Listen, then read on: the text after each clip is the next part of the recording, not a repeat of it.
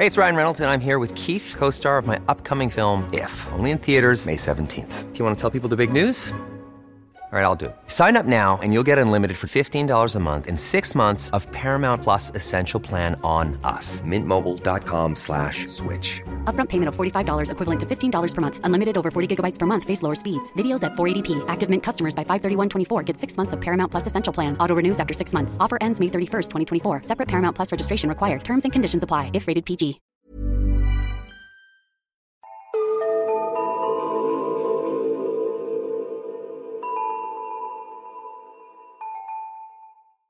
Hej och välkomna till Nära ögat, en true crime-podd för mesar. Mitt namn är Alexandra Köntsdottir. Och jag heter Amelia Ingman. Varmt välkomna till avsnitt 35. Och tidigare idag så gästade faktiskt Assa en annan podcast, Trivialiskt. Kan inte du berätta lite om det? Ja men det var så kul. Vi blev ju inbjudna av Molly och Martin att gästa deras podd Trivialiskt. Och den här podden tar upp massa olika trivia om vår värld. Och varje avsnitt har ett nytt tema och det avsnitt som faktiskt släpps idag har temat hoppsan. Och det kan man ju verkligen säga om de flesta av våra fall. Ja, många av dem har man ju verkligen känt, vad händer nu? Precis. Och Molly frågade ut mig lite om Tim Lancaster. Minns du vem det är? Ja, hur skulle jag kunna glömma? Det är verkligen ett av de mest minnesvärda avsnitten. Piloten som sögs ut ur vindrutan. Ja, så jag fick ju då berätta lite om Tim och vad som hände honom. Och det var ganska kortfattat men det blev ganska kul. De har ju mycket mer inslag av humor i sin podd. Och de ställer så många roliga frågor. Så jag rekommenderar er verkligen att gå in och lyssna på Trivialis. De har supermycket spännande avsnitt med massa olika konstig, lite quirky fakta om olika ämnen. Och så himla kul att de hörde av sig och ville ha lite proffs, expertis. uh, vad, jag bara, vad har vi för expertis? Ja, exakt. Vad kan vi? Det enda vi kan är väl true crime berättelser för mesar. Och det är väl inte så illa? Nej. Vi kommer länka i dagens avsnittsbeskrivning till avsnittet i deras podcast där jag gästar. Så om ni vill lyssna på det så kan ni klicka vidare efter det här avsnittet. Trivialiskt podcast. Och med det sagt så tycker jag att vi drar igång dagens avsnitt. Vill du börja, Asa? Självklart.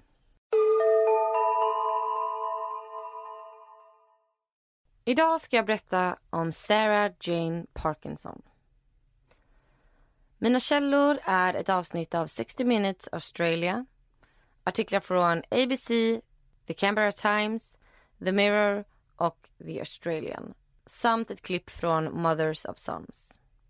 Sarah Jane Parkinson är född och uppvuxen i Australien. Jag vet inte jättemycket om hennes barndom men jag vet att hon hade en väldigt svår tonårstid. En gång under sin skolgång så blev hon våldtagen av sin kompis pappa. Hon blev även sexuellt utnyttjad av en turkisk diplomat som sen flydde landet. Hon hade flera våldsamma pojkvänner som inte var så bra för henne. Och försökte trots allt alltid ha ett stort leende på läpparna. Sarah var väldigt söt, hon var flickig och klädde sig gärna i så kjolar och blommigt och lite konservativt. 2011 bor Sarah i Canberra, Australiens huvudstad och får ett jobb på flygplatsen. Där träffar hon Daniel Jones, en 25-årig man som även han arbetar på flygplatsen.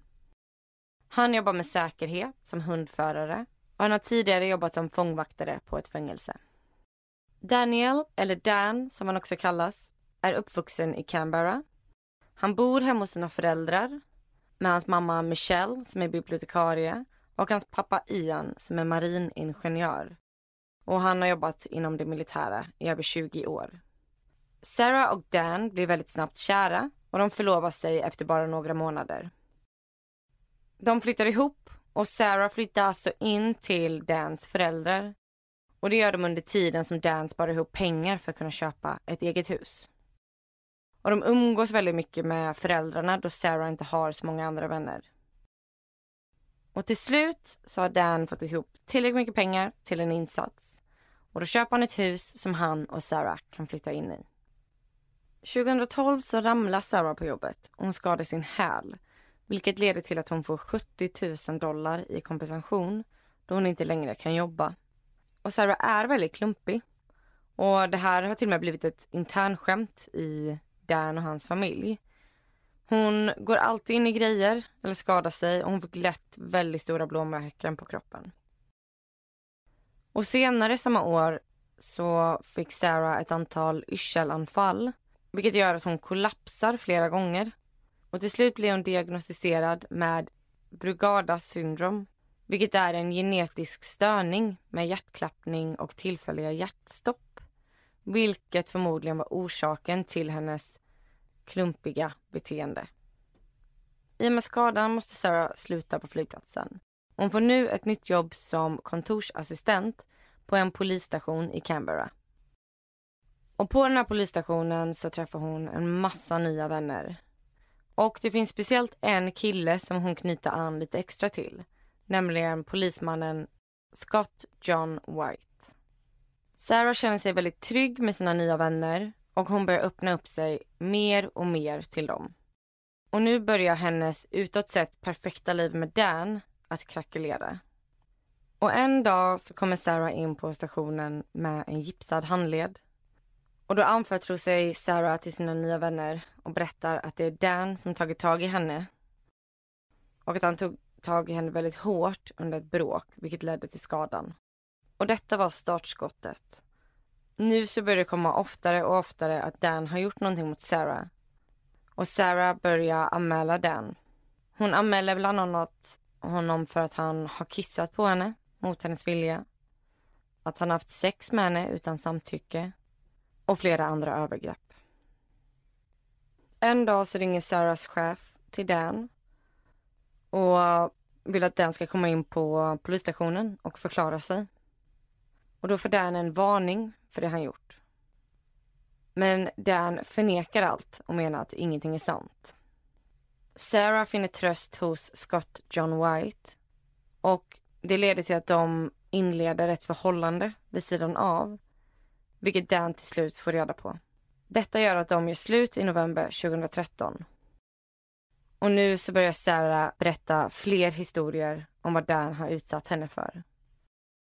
Hon berättar att han har våldtagit henne. Att han har låst ute henne och tvingat henne stå ute i regnet i flera timmar. Att han har misshandlat henne. Och på julafton 2013 blir Dan arresterad framför sina kollegor för 32 olika punkter. Dan förnekar allt. Han slipper sitta häktad men får sitta i husarrest hos sina föräldrar. Och under tiden så flyttar Sarah och Scott in i Dan och Sarahs hus. Men Sarah behöver dock ringa polisen flera gånger. En gång så är det någon som har snott hennes iPad och när hon sen tittar på Hitta min iPhone så ser hon att den är i Dans föräldrars hus. Och en annan gång så var det inbrott i hennes bil. En tredje gång så blev hon attackerad när hon körde bil, så hon körde av vägen. Och sen så har den här personen jagat Sarah med kniv. Och hon berättar för polisen att hon misstänkte att det var Ian, Dans pappa, som hade jagat henne. 21 mars 2014 så ringer Sarah polisen igen. Den här gången har det gått så långt att Dan har brutit sig in i huset, tagit tag i Sarah, slagit hennes huvud mot en vägg och sen våldtagit henne. Han lämnade henne sen där, liggande på golvet och det var så hon hittades när polisen kom. Nu var det nog. Polisen åkte direkt till Dans föräldrars hus och arresterade honom. Och den här gången satte de ingen borgenssumma på honom utan han fick sitta i Goulburn Supermax-fängelset fram till rättegången. Och Goulburn är ett högrisksfängelse där de värsta av brottslingar sitter inne. Och nu riskerar Dan 18 till 20 års fängelse. Ja, vad känner du än så länge, Amelia? Spontant att det är ett klassiskt fall av kvinnomisshandel. En kvinna blir misshandlad i hemmet av sin man. Ganska likt andra fall som vi har tagit upp tidigare. Mm.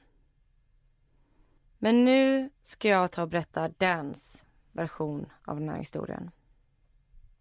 Den där dagen som Dan blir inkallad till Sarahs chef på polisstationen så förstår han ingenting.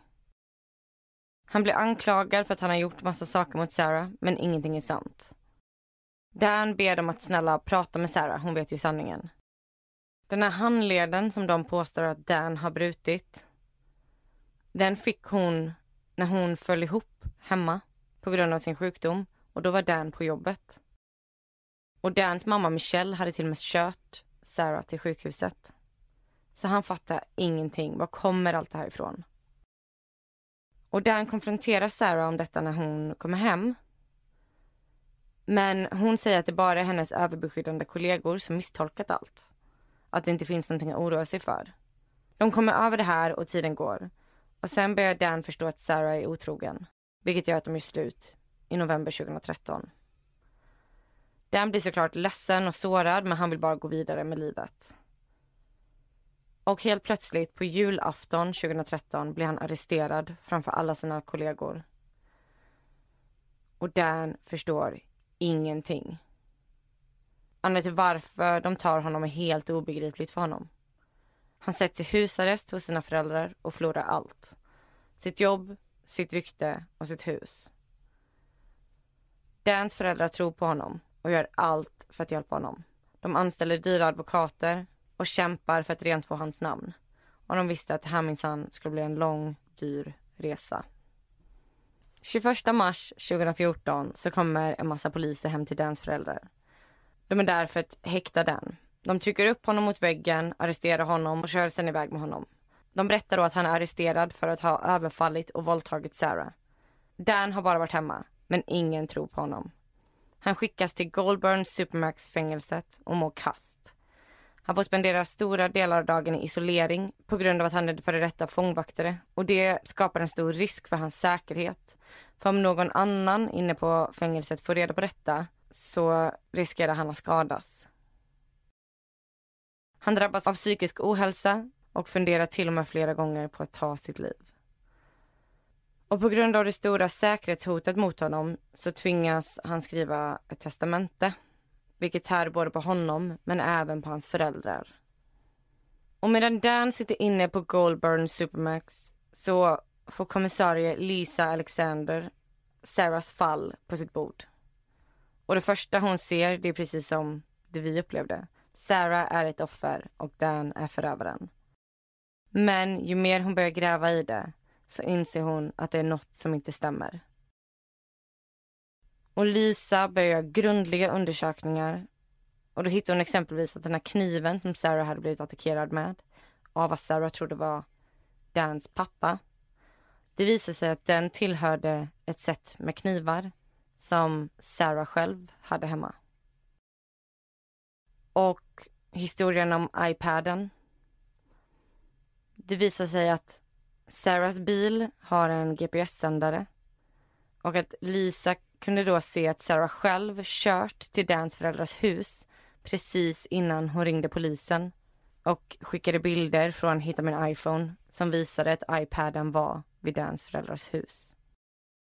Natten som Sarahs bil hade haft inbrott det visade sig att CCTV har fångat det här och den enda som ses vid bilen den natten är Sarah själv. Den dagen och den tiden som Dan skulle ha överfallit Sarah, tagit hennes huvud och drämt det mot en vägg för att sen våldta henne. Exakt vid den tiden så togs det ett foto som hade en tidskod och en geotag. Och på fotot så ser man hur Dan leker med sin brorsdotter på andra sidan stan jämfört med vad Sarah sa att han befann sig. Så när Lisa får fram den här bevisningen så inser hon att Sarah har ljugit om alla dessa berättelser. Och hon får en klump i magen. Sarah har ju förmodligen ljugit om allt. Och det är extremt många poliser som har varit inblandade i alla hennes tidigare ärenden. Och hon förstår nu att Daniel Jones, som sitter inne på högsäkerhetsfängelset Goldburn Supermax i själva verket är oskyldig. Så efter han har suttit där inne i fyra och en halv månad släpps han fri. Det är ganska lång tid. Speciellt om han har spenderat större delen i isolering. Ja, verkligen. Och speciellt om man inte vet hur länge man ska sitta där. Han satt ju och väntade på en rättegång. Men det blev hela tiden uppskjutet så han fick bara sitta där längre och längre. Lisa börjar nu granska ännu mer bevis och gå igenom alla historier som Sarah har berättat. Och då får hon reda på att historien om att Sarahs kompis pappa våldtagit henne när hon gick i skola inte heller var sant. Sarah hade en bästa kompis som också hette Sarah. Jag kallar henne för Sara nu bara för att det skulle bli lättare att hålla koll på Sarah och Sara. Och Saras pappa Keith Lewis hade blivit anklagad av Sarah för att han ska ha våldtagit henne. Och hela deras skola fick reda på det här. Och Keith var helt förstörd. Han har aldrig rört henne. Keith kom gråtande till sin familj och fick så be dem att snälla, snälla, snälla tro på mig. Jag skulle aldrig göra något sånt här. Men det slutade inte där, utan Sarah började även sprida rykten om att Keith hade förgripit sig sexuellt på sina egna döttrar. Sarahs anmälan ledde aldrig någonstans då det inte fanns några som helst bevis för något av det hon sa. Men skadan i samhället var redan skedd. Och många på skolan och allmänt i deras liv trodde nu att Keith Lewis var en våldtäktsman. Det måste varit helt fruktansvärt för den här Keith att bli falskt anklagad för det här. Och tänk vilken skada detta måste ha gjort för familjen. Mm. Sara, Keiths dotter, hon berättade att alla trodde att hennes pappa var en våldtäktsman. Och att han eventuellt hade rört henne också. Och Sara kunde inte förstå varför Sarah jag om det här. Nej, jag tänkte precis fråga. Får man svaret på varför? Nej, inte direkt. Och det är så hemskt för att både Keith och Sara är med i det här 60 minutes avsnittet. Och då, Sara berättar hur hemskt det var när hennes pappa bara kom gråtande till familjen och var tvungen att fråga dem om de trodde på anklagelserna. Han var helt förstörd. Ja, jag förstår det. Man tänker varför skulle någon ljuga om detta? Mm. Varför skulle Sarah hitta på en sån här fruktansvärd anklagelse? Mm. Man tänker att det måste ligga någonting till grund för det. Mm. Ja men verkligen. Det tog ungefär fem år innan Sarah Jane Parkinson äntligen kunde ställas inför rätta för det hon gjorde mot Dan. Hon erkände till slut att hon hittat på alla anklagelser mot honom. Hon erkände att Dan aldrig hade slagit henne, att han aldrig utfört några som helst övergrepp, att han aldrig våldtagit henne. Utan att Sarah under flera års tid har hittat på det här. Hon berättar i rätten att överfallsvåldtäkten aldrig hänt utan att det var hon själv som hade skadat sitt eget huvud för att sen riva av sig kläderna och kasta ett upprivet kondompapper på golvet och sen lagt sig ner och ringt polisen. När hon hörde att polisen närmade sig började hon göra ljud ifrån sig så de skulle hitta henne där, halvnaken. Hon erkände att hon systematiskt anmält Dan under åren. Och egentligen den enda förklaringen man fick var att hon ville ha huset och ekonomisk ersättning. Sarah beskrivs i rätten som en eh, patologisk lögnare. Och patologiska lögnare ljuger vanligtvis för att få uppmärksamhet eller sympati. Och de lögner som patologiska lögnare berättar är vanligtvis grandiosa eller fantastiska. Patologiska lögnare är ofta hjälten eller hjältinnan eller offret i de berättelser som de sammanställer. Och något som var extremt problematiskt i det här fallet var att Sarah jobbade på en polisstation. Vilket gjorde att hennes lögner inte blev ifrågasatta. Och det var ju för att hon hade en personlig relation med flera av poliserna. Speciellt Scott. Och om han intygade att hon talar sanning så var det fler poliser som trodde på det. Och i och med att ingen ifrågasatte så blev lögnerna bara fler och fler. Och Sarah kunde utnyttja systemet. Hon visste exakt hur man hanterar frågor om våld och övergrepp i hemmet och kunde därför bygga upp denna falska verklighetsbilden för hennes kollegor på polisstationen. Sarah valde att inte be om ursäkt till Dan eller familjen. Och 2019 dömdes Sarah Jane Parkinson till tre år och en månads fängelse. Australiensiska myndigheter och media valde att gå ut med hela hennes namn på grund av grovheten av brotten. Men hon är redan ute. Hon satt endast strax över två år. Och idag är hon fortfarande tillsammans med polisen Scott John White. Och hon har bytt namn till Sarah Jane White. Scott är åtalad för att han tros ha hjälpt Sarah med lögnerna. Och han ska ha coachat henne inför rättegångarna. Och Scotts rättegång har blivit uppskjuten flera gånger på grund av covid. Men det nya datumet för rättegången är nu 24 november 2021. Så vi får se vad som händer där. Tyvärr så var hela den här processen extremt påfrestande för Dan och hans familj. Michelle och Ians äktenskap sprack efter över 30 år som gifta. De spenderade över 600 000 dollar på att hjälpa sin son. Och det här tärde extremt mycket på dem och deras relation. Och tyvärr så har Dans fall ramlat mellan stolarna rättsmässigt vilket gör att, att han inte kvalificeras för att få ersättning av staten.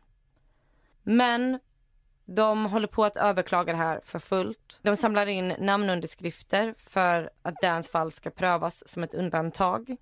Det finns en GoFundMe-sida som har fått ihop över 50 000 dollar till Jones-familjen. Det här är en pågående process och vi får verkligen hoppas att de kan få tillbaka mer. Dans mamma Michelle beskriver kommissarie Lisa Alexander som att hon är sänd ifrån Gud. Och pappa Ian konstaterar att det var Lisa som räddade Dan. Utan henne skulle han förmodligen fortfarande sitta inne. Och han riskerade som sagt ett straff på 18 till 20 år. Sarah har lyckats ljuga för så många poliser i så många led och utan Lisas envishet och noggrannhet så hade Sarah kommit undan. Idag har Dan flyttat till Perth för han vill vara så långt bort från Canberra som möjligt. Och han har faktiskt lyckats hitta kärleken. Han lever tillsammans med en tjej som heter Bridget och de verkar faktiskt vara väldigt lyckliga. Och det här var historien om Sarah Jane Parkinson och hennes offer Daniel Jones. Vilken twist det blev. Jag trodde verkligen att det var Sarah som var offret. Ja, och det var ju så som hela samhället uppfattade det. Hon var ju ett offer. Det trodde, det trodde alla. Det trodde poliserna, det trodde utredarna, staten. Man känner ju så mycket för Dan och man undrar ju vad var det som fick Sarah att behandla honom på detta sättet eller utsätta honom för detta? Det är ju det som är så konstigt med Sarah. Alltså hon har ljugit så många gånger om att folk har våldtagit henne. Eller behandlat henne dåligt. Och det verkar inte finnas någon anledning eller någon orsak till varför hon beskyller någon för det här. Det är alltid så frustrerande när man inte kan få svar. För det är så svårt att förstå om man liksom inte får något motiv. För att om det bara är uppmärksamhet så är det ändå så extremt tillvägagångssätt. Ja, men någonting hon skyller på att hon vill ha huset och pengar men, men det hade hon kunnat få om hon skilde sig från honom. Men det förklarar ju inte anklagelserna mot Keith. Nej. Nej. Och det jag börjar fundera på det är exempelvis det som hände på på jobbet där 2012 att hon ramlade och skadade sin häl. Hon fick 70 000 dollar i kompensation. Jag undrar om det ens var sant. Mm. Eller om hon kanske gjorde det mot sig själv. Det känns som att hennes lögner blir bara värre och värre. Och det faktum att hon jobbade på en polisstation underlättade för hennes lögner. Ja, för jag tänkte också på det med olyckan. Och sen så undrar man även, valde hon aktivt en polisstation för att det här var en del av planen? Att hon kanske tänkte att hon skulle bli mer trodd om hon jobbade i den här miljön eller det var bara en slump?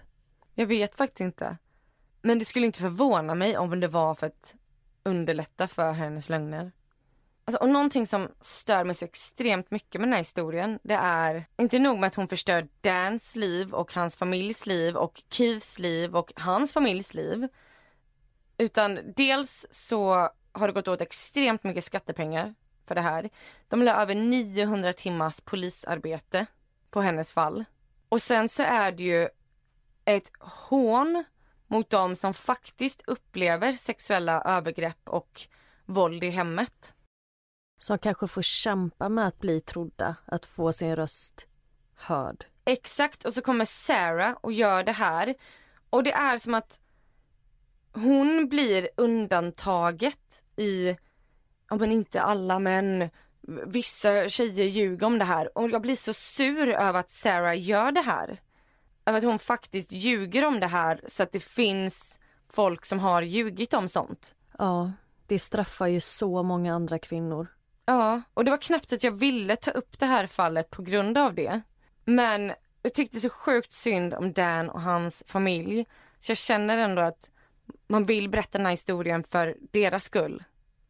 Mm. Ja, jag håller med dig. Det är, det är riktigt provocerande. Men då är det ju verkligen tur att de kom i kontakt med den här polisen som vad sa du, var så envis och noggrann så att de lyckades få fram sanningen. Lisa Alexander. Om hon bara varit lite sämre på sitt jobb så hade det varit så lätt att skicka vidare det här fallet. För det var så mycket bevis, det var så mycket eh, polisförhör, det var så många anmälningar mot honom så det här verkade ju som ett klockrent, alltså van, vanligt inom citationstecken fall av så här, kvinnomisshandel, våld i hemmet. Men Lisa är så sjukt bra på sitt jobb så hon faktiskt går till botten med vad som har hänt. Och det är ju sjukt beundransvärt. Mm. Man är bara glad att Lisa fanns där och kunna hjälpa Dan att komma ut från att inte bli oskyldigt dömd.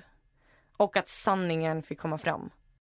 Ja, vi får bara hoppas att Sarah inte utsätter någon annan för något liknande. Och jag tycker att straffet som hon fick, tre års fängelse och hon satt bara två.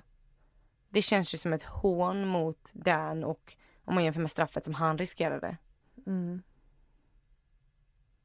Nej, det är så mycket irriterande med det här fallet så att eh, man blir helt matt. Ja, men det var spännande. Ja, vad bra. Nu är jag redo att lämna Sarah för gott här. Jag vill höra vad du ska berätta om. When you're ready to pop the question, the last thing you want to do is second guess the ring. At Bluenile.com, you can design a one of a kind ring with the ease and convenience of shopping online. Choose your diamond and setting. When you find the one, you'll get it delivered right to your door. Go to Bluenile.com and use promo code LISTEN to get $50 off your purchase of $500 or more. That's code LISTEN at Bluenile.com for $50 off your purchase. Bluenile.com code LISTEN.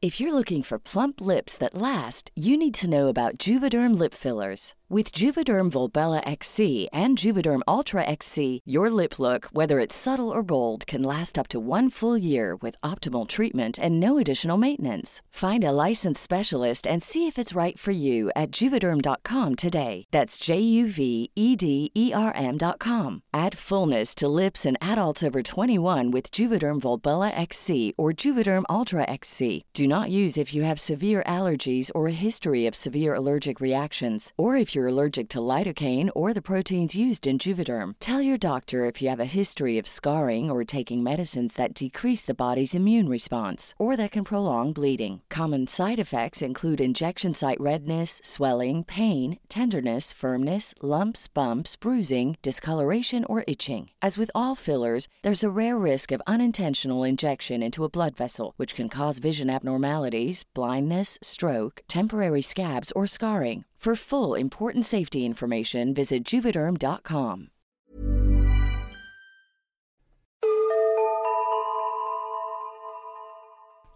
Fallet som jag kommer ta upp idag handlar om familjen Turpin. Och detta är ett tips som vi har fått från Nadine. Så tack så mycket för tipset. Men jag tror att vi har haft med något tips från Nadine tidigare va? Ja, det har vi. Jag kommer inte ihåg exakt vilket fall det var, men Nadine har varit duktig på att skicka in tips. Ja, jag tror att jag har tagit upp något eh, fall som hon har tipsat om. Mm. Mina källor är 60 Minutes Australia, en artikel på allthat'sinteresting.com, The Irish Sun, Daily Mail och ett Youtube-klipp av Kendall Ray. Har vi två australiensiska fall idag? Det här är amerikanskt, men 60 Minutes Australia har gjort ett avsnitt om det. Och innan jag börjar idag så vill jag bara varna för att det här fallet innehåller vanskötsel av barn. Jag ska berätta om David Allen Turpin, född 1961 och hans fru Louise Turpin, född 1968. Paret har 13 stycken barn. Det yngsta är idag fem och det äldsta 32. Men jag tänkte börja med att berätta om när paret Turpin träffades. David och Louise var väldigt unga när de började dejta. Båda två kommer från väldigt religiösa familjer och de träffades i kyrkan när Louise bara var 16 år gammal och David 23. Paret började träffas i smyg och Louise familj var inte helt okej okay med att hon träffade en kille. Och det dröjde inte länge innan paret bestämde sig för att rymma iväg och gifta sig i smyg. Så en dag när Louise är i skolan så kom David dit och övertalade personalen att låta honom skriva ut Louise för dagen, vilket de gick med på. Och sen körde de från West Virginia hela vägen till Texas innan Louise föräldrar kontaktade polisen och paret tvingades åka tillbaka hem. Louise pappa var predikant och han ville att de skulle ha en ordentlig ceremoni. Och det slutade med att Louise och David gifte sig 1984, bara 16 och 24 år gamla. Och det var ett litet kyrkligt bröllop med endast brudparet och deras respektive familjer. Efter bröllopet flyttade David och Louise till Texas för att starta sitt nya liv tillsammans. Och efter flytten så tappar de väldigt mycket av kontakten med sina familjer. Och paret blir lite som enstöringar. De höll sig väldigt mycket för sig själva och var ganska ängsliga av sig. De hade svårt att lita på andra människor. De ville inte träffa andra människor och de var ganska paranoida. Som jag nämnde i början så får paret 13 barn tillsammans och de flyttar runt en hel del under barnens uppväxt. David och Louise har en ganska militärisk uppfostran och de klädde ofta barnen i kläder som liknar uniformer. Men utåt sett så såg de ut att vara en helt normal, fin, lyckad familj. David hade ett bra jobb. Han arbetade som ingenjör och tjänade bra med pengar så han kunde ta hand om sin stora familj. Och David brukade köpa flygbiljetter åt både han och Louise familjemedlemmar så att de kunde resa och hälsa på dem. Louise familj berättade att de såg på Louise och David som det perfekta paret med den perfekta familjen. Och de verkade så lyckliga. Under en period så flyttade Louise ena syster in till familjen på grund av att hon hade vissa ekonomiska problem. Och vid den här tidpunkten så hade paret bara fått fyra barn. Och Louise syster har i efterhand berättat att hon vittnade att barnen behandlades ganska illa. Framförallt den äldsta dottern.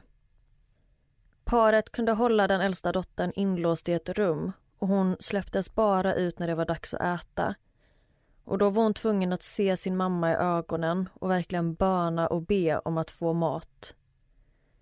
Louise och David var extremt strikta mot alla sina barn. Och barnen fick inte prata med sin moster utan föräldrarnas tillåtelse.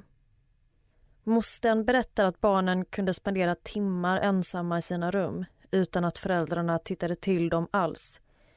Och hon säger att det var precis som att Louise och David inte ville ha barnen där utan att de bara ville bli av med dem. Men Louise syster tänkte att det kanske bara var deras föräldrastil, eller vad man ska säga. Och att det kanske var strikta i sin uppfostran av barnen på grund av att de båda kom från väldigt strikta familjer själva. Eller att det kanske var en del av deras religion.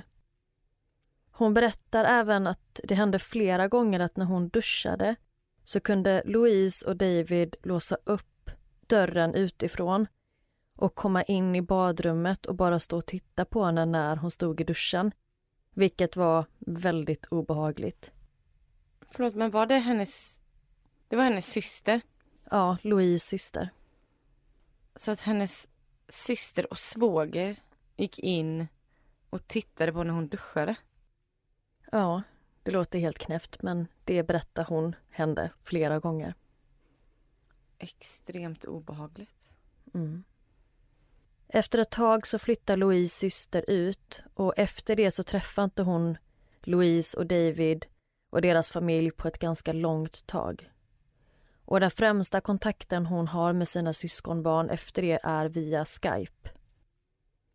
Louise och David tillhör religionen pentekostal vilket jag tror översätts till pingstkyrkan. Efter flera år inom den här religionen så bestämmer sig paret för att inte längre kan lita på någon alls inom pingstkyrkan och de börjar experimentera med andra religioner. Och det slutar med att de bestämmer sig för att skapa sin egen tro vilket är en hybrid av massa olika religioner, bland annat mormonism. Efter att ha bott tio år i Texas så flyttar familjen Turpin igen och de lämnar då kvar väldigt mycket av sina saker när de flyttar ut. Så när de nya ägarna får tillgång till huset så var det fullt med prylar överallt och det luktade väldigt illa. De hittade rivmärken på väggarna som de antog kom från något djur. De hittade massvis med texter om domedagen och om när Jesus kommer för att hämta de troende. Det satt hänglås på garderoberna och på kylskåpet. I sovrummen så fanns det våningssängar och vissa av sängarna saknade madrasser och i stommarna så hängde det rep. Det fanns döda katter inne i huset och fullt med råttor. Familjen Turpin flyttade till Rio Vista i Kalifornien och föräldrarna hade en egen hemskola för alla sina barn. Grannarna i området lade märke till en del konstiga saker i familjen Turpins hem och många reagerade på att de aldrig svarade om någon knackade på eller ringde på dörren. Och en gång så kom en granne och stod och knackade om och om igen utan att någon öppnade. Samtidigt som hon kunde se en bebis genom fönstret in i huset. Bebisen kröp runt helt ensam utan att det var någon som vaktade den och ingen annan syntes till. Vilket grannen tyckte var väldigt konstigt. Alltså jag har ju själv duckat när folk har knackat eller plingat på hemma. Men man skulle inte lämna en bebis ensam i ett rum. Nej. Grannarna i området umgicks aldrig med familjen Turpin och de märkte att familjen brukade hålla på med trädgårdsarbete under nätterna. Och barnen kunde vara ute till klockan fyra på morgonen och jobba i trädgården. Och det verkar som att familjen Turpin helt hade vänt på dygnet och de hade som vana att gå och lägga sig runt fem på morgonen. Föräldrarna tvingade barnen att göra hushållssysslor på nätterna och grannarna som jobbade nattskift kunde komma hem och se genom fönstren till familjen Turpins hem att barnen marscherade på led in i huset och de kunde gå fram och tillbaka i en rak linje. Grannarna tyckte att detta var väldigt märkligt men ändå inte så pass mycket så att de valde att kontakta någon myndighet. Nej, alltså vissa grejer kanske är svårt. Alltså om man ser barn marschera fram och tillbaka, det kanske är svårt att kontakta en myndighet endast för det.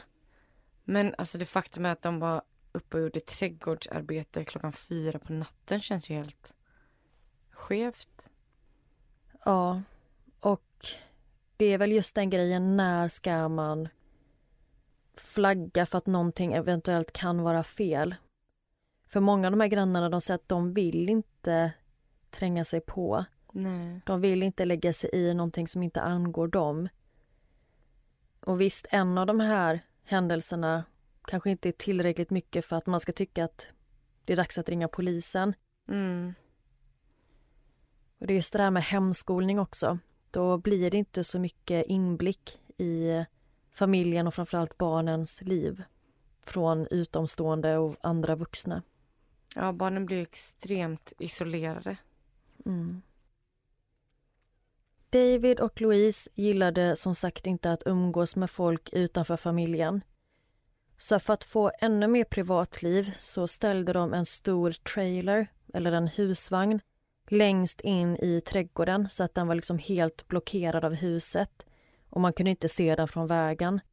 Och sen så flyttade de hela familjen ut från huset och in i trailern på baksidan. Och jag vet inte om de bodde där på heltid eller om det var tillfälligt. Det varierar lite i vissa källor. Men för att bli ännu mer avskärmade från sina grannar så hade de det boendet också. Louise familj började lägga märke till att barnen såg ganska smala ut. Inte så att de nödvändigtvis trodde att något var fel men ändå så att de nämnde det för Louise.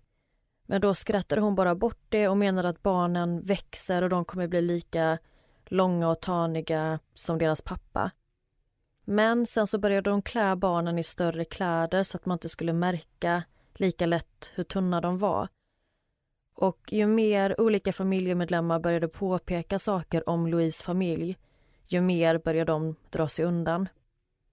Och Louise familjemedlemmar tyckte också att det var konstigt att de valde att hemskola alla barnen. Men Louise menar bara att det var så mycket kriminalitet i skolan och barnen var så retade och kände sig utanför. Så det var helt enkelt för barnens eget bästa som de gjorde det.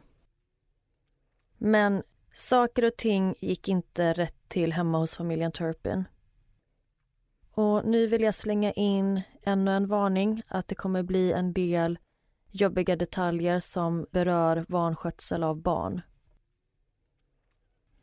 Både David och Louise vanskötte sina barn och alla 13 barn var undernärda. Många av dem såg betydligt yngre ut än vad de faktiskt var på grund av deras grava undernäring. Föräldrarna kunde även håna barnen och fresta dem genom att lämna pajer framme på köksbänken så att barnen kunde se pajerna och känna lukten av dem, men de fick inte äta något. Och sen fick de titta på medan föräldrarna satt och åt. Barnen fick som sagt inte i sig ordentligt med mat. De fick knappt duscha eller tvätta sig. De fick egentligen bara lov att duscha en gång om året. Och de fick inte tvätta händerna ovanför handlederna för då ansåg föräldrarna att de lekte med vattnet och det var ett slöseri på vatten. Om barnen inte lydde så blev de slagna och föräldrarna brukar även binda fast dem med rep i barnens sängar och andra möbler. Men efter att ett av syskonen lyckades ta sig loss så började föräldrarna istället att använda sig av kedjor och handklovar. Barnen kunde sitta fastlåsta i flera månader och ibland fick de inte ens lov att gå på toaletten utan tvingades att utföra sina behov på golvet där de satt. Föräldrarna gjorde så många olika saker för att kontrollera och manipulera sina barn vilket gjorde barnen rädda och hjärntvättade. De visste inget annat. Detta var deras liv, deras normala. Och de hade knappt spenderat någon tid alls utanför familjen och utanför hemmet. Och de hade knappt upplevt omvärlden. De hade spenderat större delen av sina liv inlåsta eller fastkedjade. De har inte fått gå ut när de har velat. De har inte fått titta på tv. De har inte fått läsa böcker. De har knappt fått upptäcka någonting alls utanför hemmet. Och de har inte haft någon frihet överhuvudtaget. En annan sak som föräldrarna gjorde för att håna barnen det var att när de köpte leksaker till dem så lät de inte barnen att ta ut leksakerna från förpackningarna. De fick lådan och de fick titta på vad som fanns i, men de fick aldrig leka med sakerna. Barnen hade även cyklar som stod orörda i garaget. Så de fick grejer, men de fick inte röra dem. Men det här är så... Det här blir så medvetet ondskefullt när de så köper leksaker till barnen. Så att det faktiskt finns leksaker. Men att det ska bli som någon sjuk lek för de, alltså för de vuxna. Mm. Att barnen får se men inte röra. De får lukta på pajarna men de får inte smaka. Det blir som mind control. Ja, för barnen så är ju detta det normala. Vilket är fruktansvärt. Ja. Men det känns så sjukt medvetet och elakt av föräldrarna. Alltså inte bara att de inte prioriterar barnen och inte duschar dem och inte tvättar dem utan att det, alltså det blir så taskigt. Men en sak som föräldrarna lät barnen göra det var att skriva dagbok. Och barnen skrev massvis med dagböcker där de dokumenterade sin vardag. David och Louise de älskade Disney World och Las Vegas. Och vid två tillfällen så åkte de till Vegas för att förnya sina bröllopslöften, eller förnya sitt giftermål. Och då tog de med sig sina 13 barn. De gick till ett kapell där en Elvis-imitatör utförde vigseln. Och det finns en film från den här ceremonin. Och barnens beteende i den här filmen beskrivs av många som ganska stelt och awkward. Och de var väldigt ovana att vistas bland folk eller att vistas utanför hemmet generellt. Och de är ju då som sagt så manipulerade av sina föräldrar som fått dem att vara rädda för omvärlden och för andra människor. Barnen får ju som sagt väldigt sällan lämna hemmet.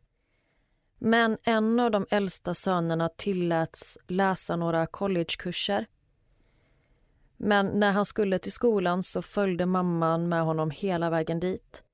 Väntade utanför på att hans klass skulle avslutas och gick sedan med honom hela vägen hem igen.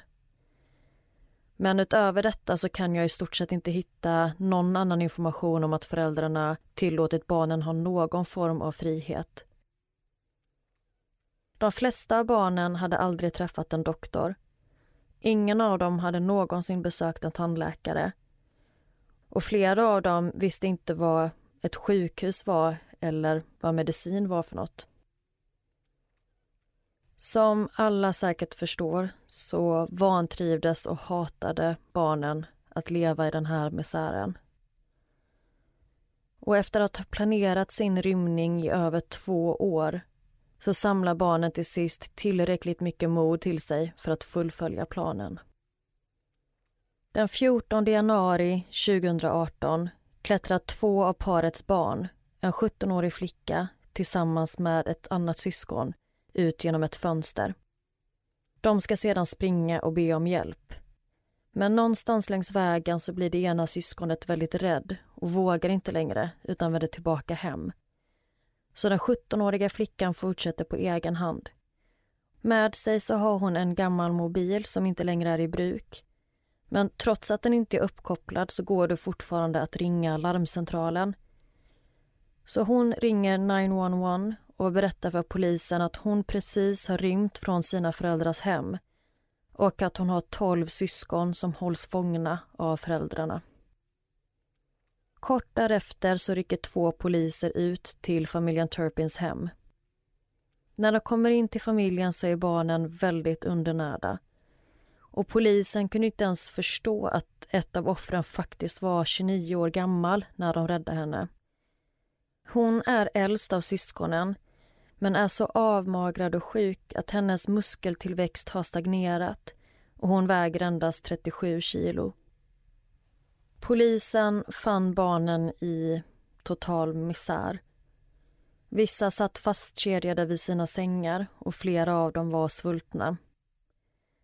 Övergreppen och vanskötseln hade trappats upp över tid och efter att familjen flyttat till Kalifornien så hade det blivit betydligt värre.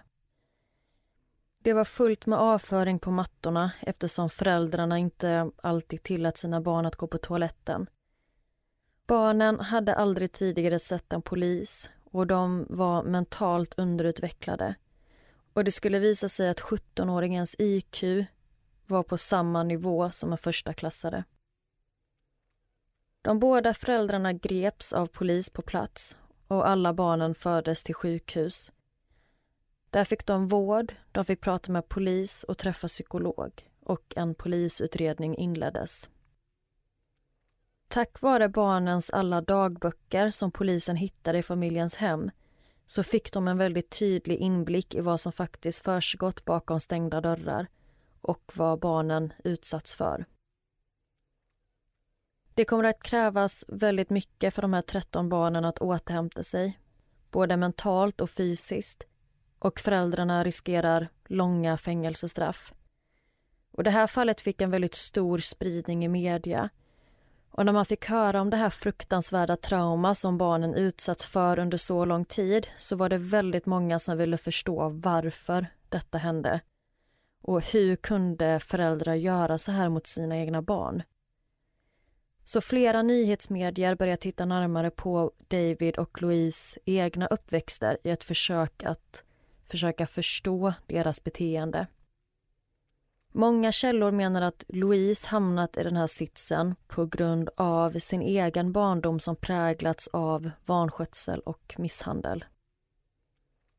Louise syster, Teresa Robinette, berättar för The Daily Mail att både hon och Louise utsattes för sexuella övergrepp av sin morfar när de var små. Deras mamma Phyllis visste om detta, men hon stoppade inte honom. Istället så sålde hon regelbundet sina döttrar till morfan. Louise och systern hade bönat mamman om att få slippa träffa honom men hon hade bara svarat att de var tvungna för att kunna ha råd med mat och kläder. Men trots vad de här flickorna utsatts för så kom det som en chock för Louise syster när hon fick reda på hur Louise och David behandlat sina 13 barn. Systern Teresa hade alltid sett på Louise som en väldigt bra person. Therese berättar även att relationen med sina syskonbarn var i stort sett obefintlig och hon träffade bara de fyra äldsta barnen i person. De yngre syskonen pratade hon endast med via Skype vilket skedde mer och mer sällan ju äldre de blev. Och hon hade ingen aning om hur illa behandlade de var. Louise gav henne hela tiden olika ursäkter till varför de inte kunde prata lika ofta längre. Och hon sa bland annat att de var väldigt upptagna med alla barnen och de ringer tillbaka senare. Och Teresa kunde som sagt inte tro att det här var sant när hon fick höra vad Louise hade gjort. Men deras tredje syster Elisabeth var inte lika förvånad. Hon har skrivit en bok som heter Sisters of Secret och i den så finns det en rad olika anklagelser mot Louise. Elisabeth styrker systern Teresas påståenden om att de blev sexuellt utnyttjade som barn. Men hon berättar även att Louise utövade häxkonst, att hon var spelberoende, led av grav alkoholism och hon menar även att Louise ska ha varit besatt av ormar och ätit skallerormar. Och i boken beskriver hon en väldigt olycklig uppväxt om hur deras föräldrar bråkade och om en väldigt tuff skolgång där Louise blev mobbad. Men Louise var ju inte ensam i att behandla barnen på det här sättet utan David var minst lika skyldig. Och media har även tittat närmare på Davids bakgrund. Men de menar att han hade en ganska bra uppväxt och en lovande tidig karriär. Han tog examen från Virginia Tech University där han studerade datateknik och han jobbade för flera olika stora företag innan han gick i pension 2012. Under sina år i high school hade David varit med i bland annat skolans bibelklubb, schackklubb och a cappella-kör. En vän från den här tiden beskriver David som snäll men lite av en tönt och hemmakille. Och trots att David haft en väldigt bra karriär som ingenjör så ska han ha ansökt om personlig konkurs 2011 med kreditkortsskulder på 240 000 dollar. David och Louise Turpin åtalades för flera fall av tortyr, frihetsberövande, övergrepp mot barn, uppsåtlig grymhet mot barn och grymhet mot vuxen i beroendeställning. David och Louise erkände sig båda skyldiga till 14 åtalspunkter den 22 februari 2019 för att undvika en rättegång. Åklagaren beskrev hur grundligt barnen blivit traumatiserade och att deras kognitiva funktionsnedsättning och nervskador sannolikt kommer påverka dem resten av livet. Och barnen behövde inte vittna mot föräldrarna i rätten. Den 19 april 2019 så dömdes både David och Louise till 25 år till livstidsfängelse. Under rättegången så verkar det som att barnen mådde väldigt bra i sin nyfunna frihet och deras fysiska och psykiska återhämtning såg väldigt lovande ut. Ett av barnens juridiska ombud berättar att han blev väldigt tagen av syskonen av deras optimism, hopp om framtiden och den livslusten de hade och att de var så glada. Han säger att han ser väldigt ljust på deras framtid och menar att det gör även syskonen själva. Ett annat ombud berättar att barnen inte riktigt vill se tillbaka på det som har varit utan de vill blicka framåt. De fokuserar på skolan, sin hälsa och jobbar på att utveckla och lära sig nya grundläggande livskunskaper. Alla barnen jobbar med att utveckla sin självständighet. Och de menar att de vill inte att personer som de möter ska se på dem som offer för det här traumat som de utsatts för. Utan de vill att andra ska se på dem för vilka de faktiskt är och vad de själva kommer att åstadkomma i livet. Och de ser väldigt positivt på framtiden. Och det var berättelsen om familjen Turpin. Planning for your next trip? Elevate your travel style with Quince. Quince has all the jet-setting essentials you'll want for your next getaway, like European linen, premium luggage options, buttery soft Italian leather bags, and so much more. And is all priced at 50 to 80% less than similar brands. Plus, Quince only works with factories that use safe and ethical manufacturing practices.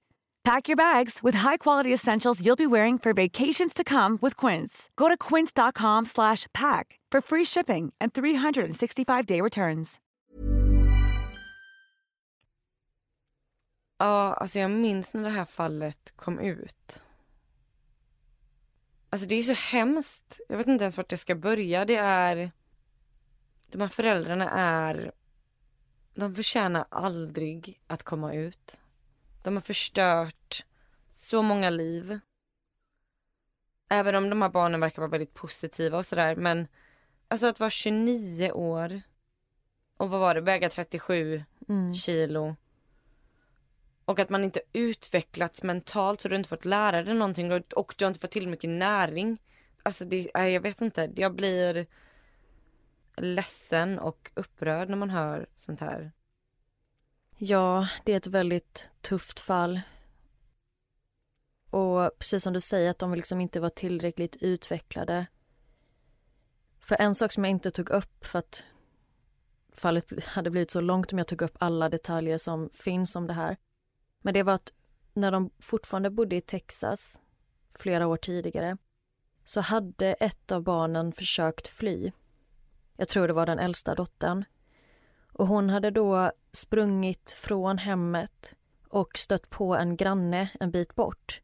Men på grund av att hon var så undernärd och obildad så hade den här grannen uppfattat det som att hon hade vissa psykiska problem eller någon form av funktionsnedsättning och hade därför då kört henne tillbaka hem till föräldrarna. Ja, det hade ju kunnat tagit slut redan där. Den här vanvården. Men du berättade ju om att media hade sökt väldigt mycket i föräldrarnas förflutna och försökt hitta någon anledning till varför de hade gjort så mot sina barn.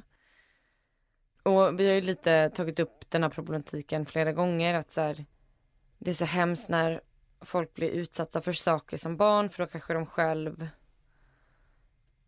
utsätter någon för något annat senare i livet. Men jag tänker nästan att det borde bli tvärtom. Att om man har upplevt något så hemskt som barn så skulle man ju aldrig vilja utsätta sina egna barn för att man själv har varit i den situationen. Ja, och det här är två vuxna personer som Exakt. gör detta med två olika bakgrunder. Ja. Och att de två kan hitta varandra. Att man kan hitta någon annan som är villig eller att man triggar varandra till att göra så här mot 13 barn. Ja, och även om många nyhetsrapporteringar försökte förklara detta som hänt genom att belysa just Louise, mammans uppväxt och allt trauma som hon utsatts för så menar en av döttrarna att hon sett hur pappan förändrat mamman över tid. Och enligt den här dottern så lät det som att pappan var den drivande. Så jag vet inte om Louise bakgrund var, den, var liksom enklare att skylla på än att kanske förstå varför föräldrarna faktiskt gjorde detta. Alltså det kanske snarare då kan förklara varför han kunde pusha henne till att göra något sånt här. Om han var den drivande faktorn. Ja. Många ifrågasätter också varför barnen aldrig sa eller gjorde någonting tidigare. Exempelvis när familjen var i Las Vegas. Men föräldrarna hade ju ett sånt hårt grepp om dem och de var så manipulerade. Barnen var rädda för omvärlden, de vågade inte säga och göra något. Och som Louise syster sa, liksom utåt sett så såg de ut att ha det bra. Du vet, de fick se bilder från de här resorna, att de var i Vegas och alla barnen var med. David hade ett välbetalt jobb så att de hade råd att resa med 13 barn.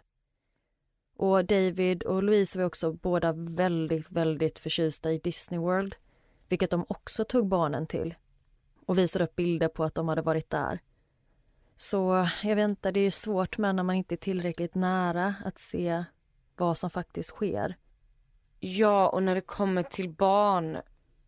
Barn vet inte annat. Det här är deras föräldrar. De vet väl knappt om att det finns myndigheter som kan hjälpa till.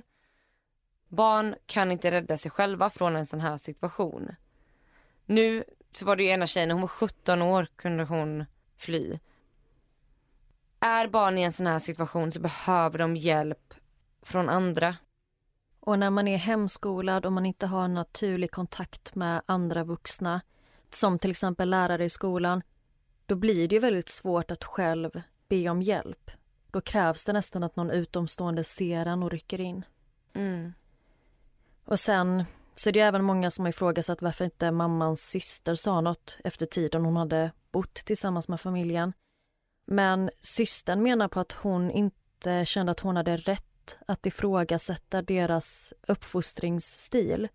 Eller att det kanske var ett resultat av deras religion och att det liksom inte var hennes plats att ifrågasätta. Och även grannarna säger att alla sköter sitt och man vill liksom inte lägga sig i eller trampa någon på tårna. Men som vi sagt förr, om du ser någonting, berätta för någon, lämna ett anonymt tips. Verkligen. Och alltså också så här, som jag och du har pratat om så många gånger. Man kan aldrig skylla på offret. Det hade bara någon flaggat för socialen eller något så kanske man hade kunnat rädda de här barnen tidigare. Mm. Men nu känns det som att jag har pratat så himla länge så att jag tycker att vi börjar runda av här för idag. Men vi kommer lägga upp lite bilder från våra fall som vanligt på Instagram och Facebook och där heter vi Nära ögat podd. Så gå gärna in och kommentera vad ni tyckte om de här fallen som vi har pratat om idag. Ja, och nu när vår podd är slut så kan ni gå in och lyssna på dagens avsnitt av Trivialist. Ja, så kanske man kan lätta upp stämningen lite efter de här tunga fallen. Precis, det som jag alltid kollar på ett avsnitt Vänner efter jag kollat på någon läskig film. Exakt. Ha en jättefin dag, så hörs vi igen nästa vecka. Puss puss! Ha det fint!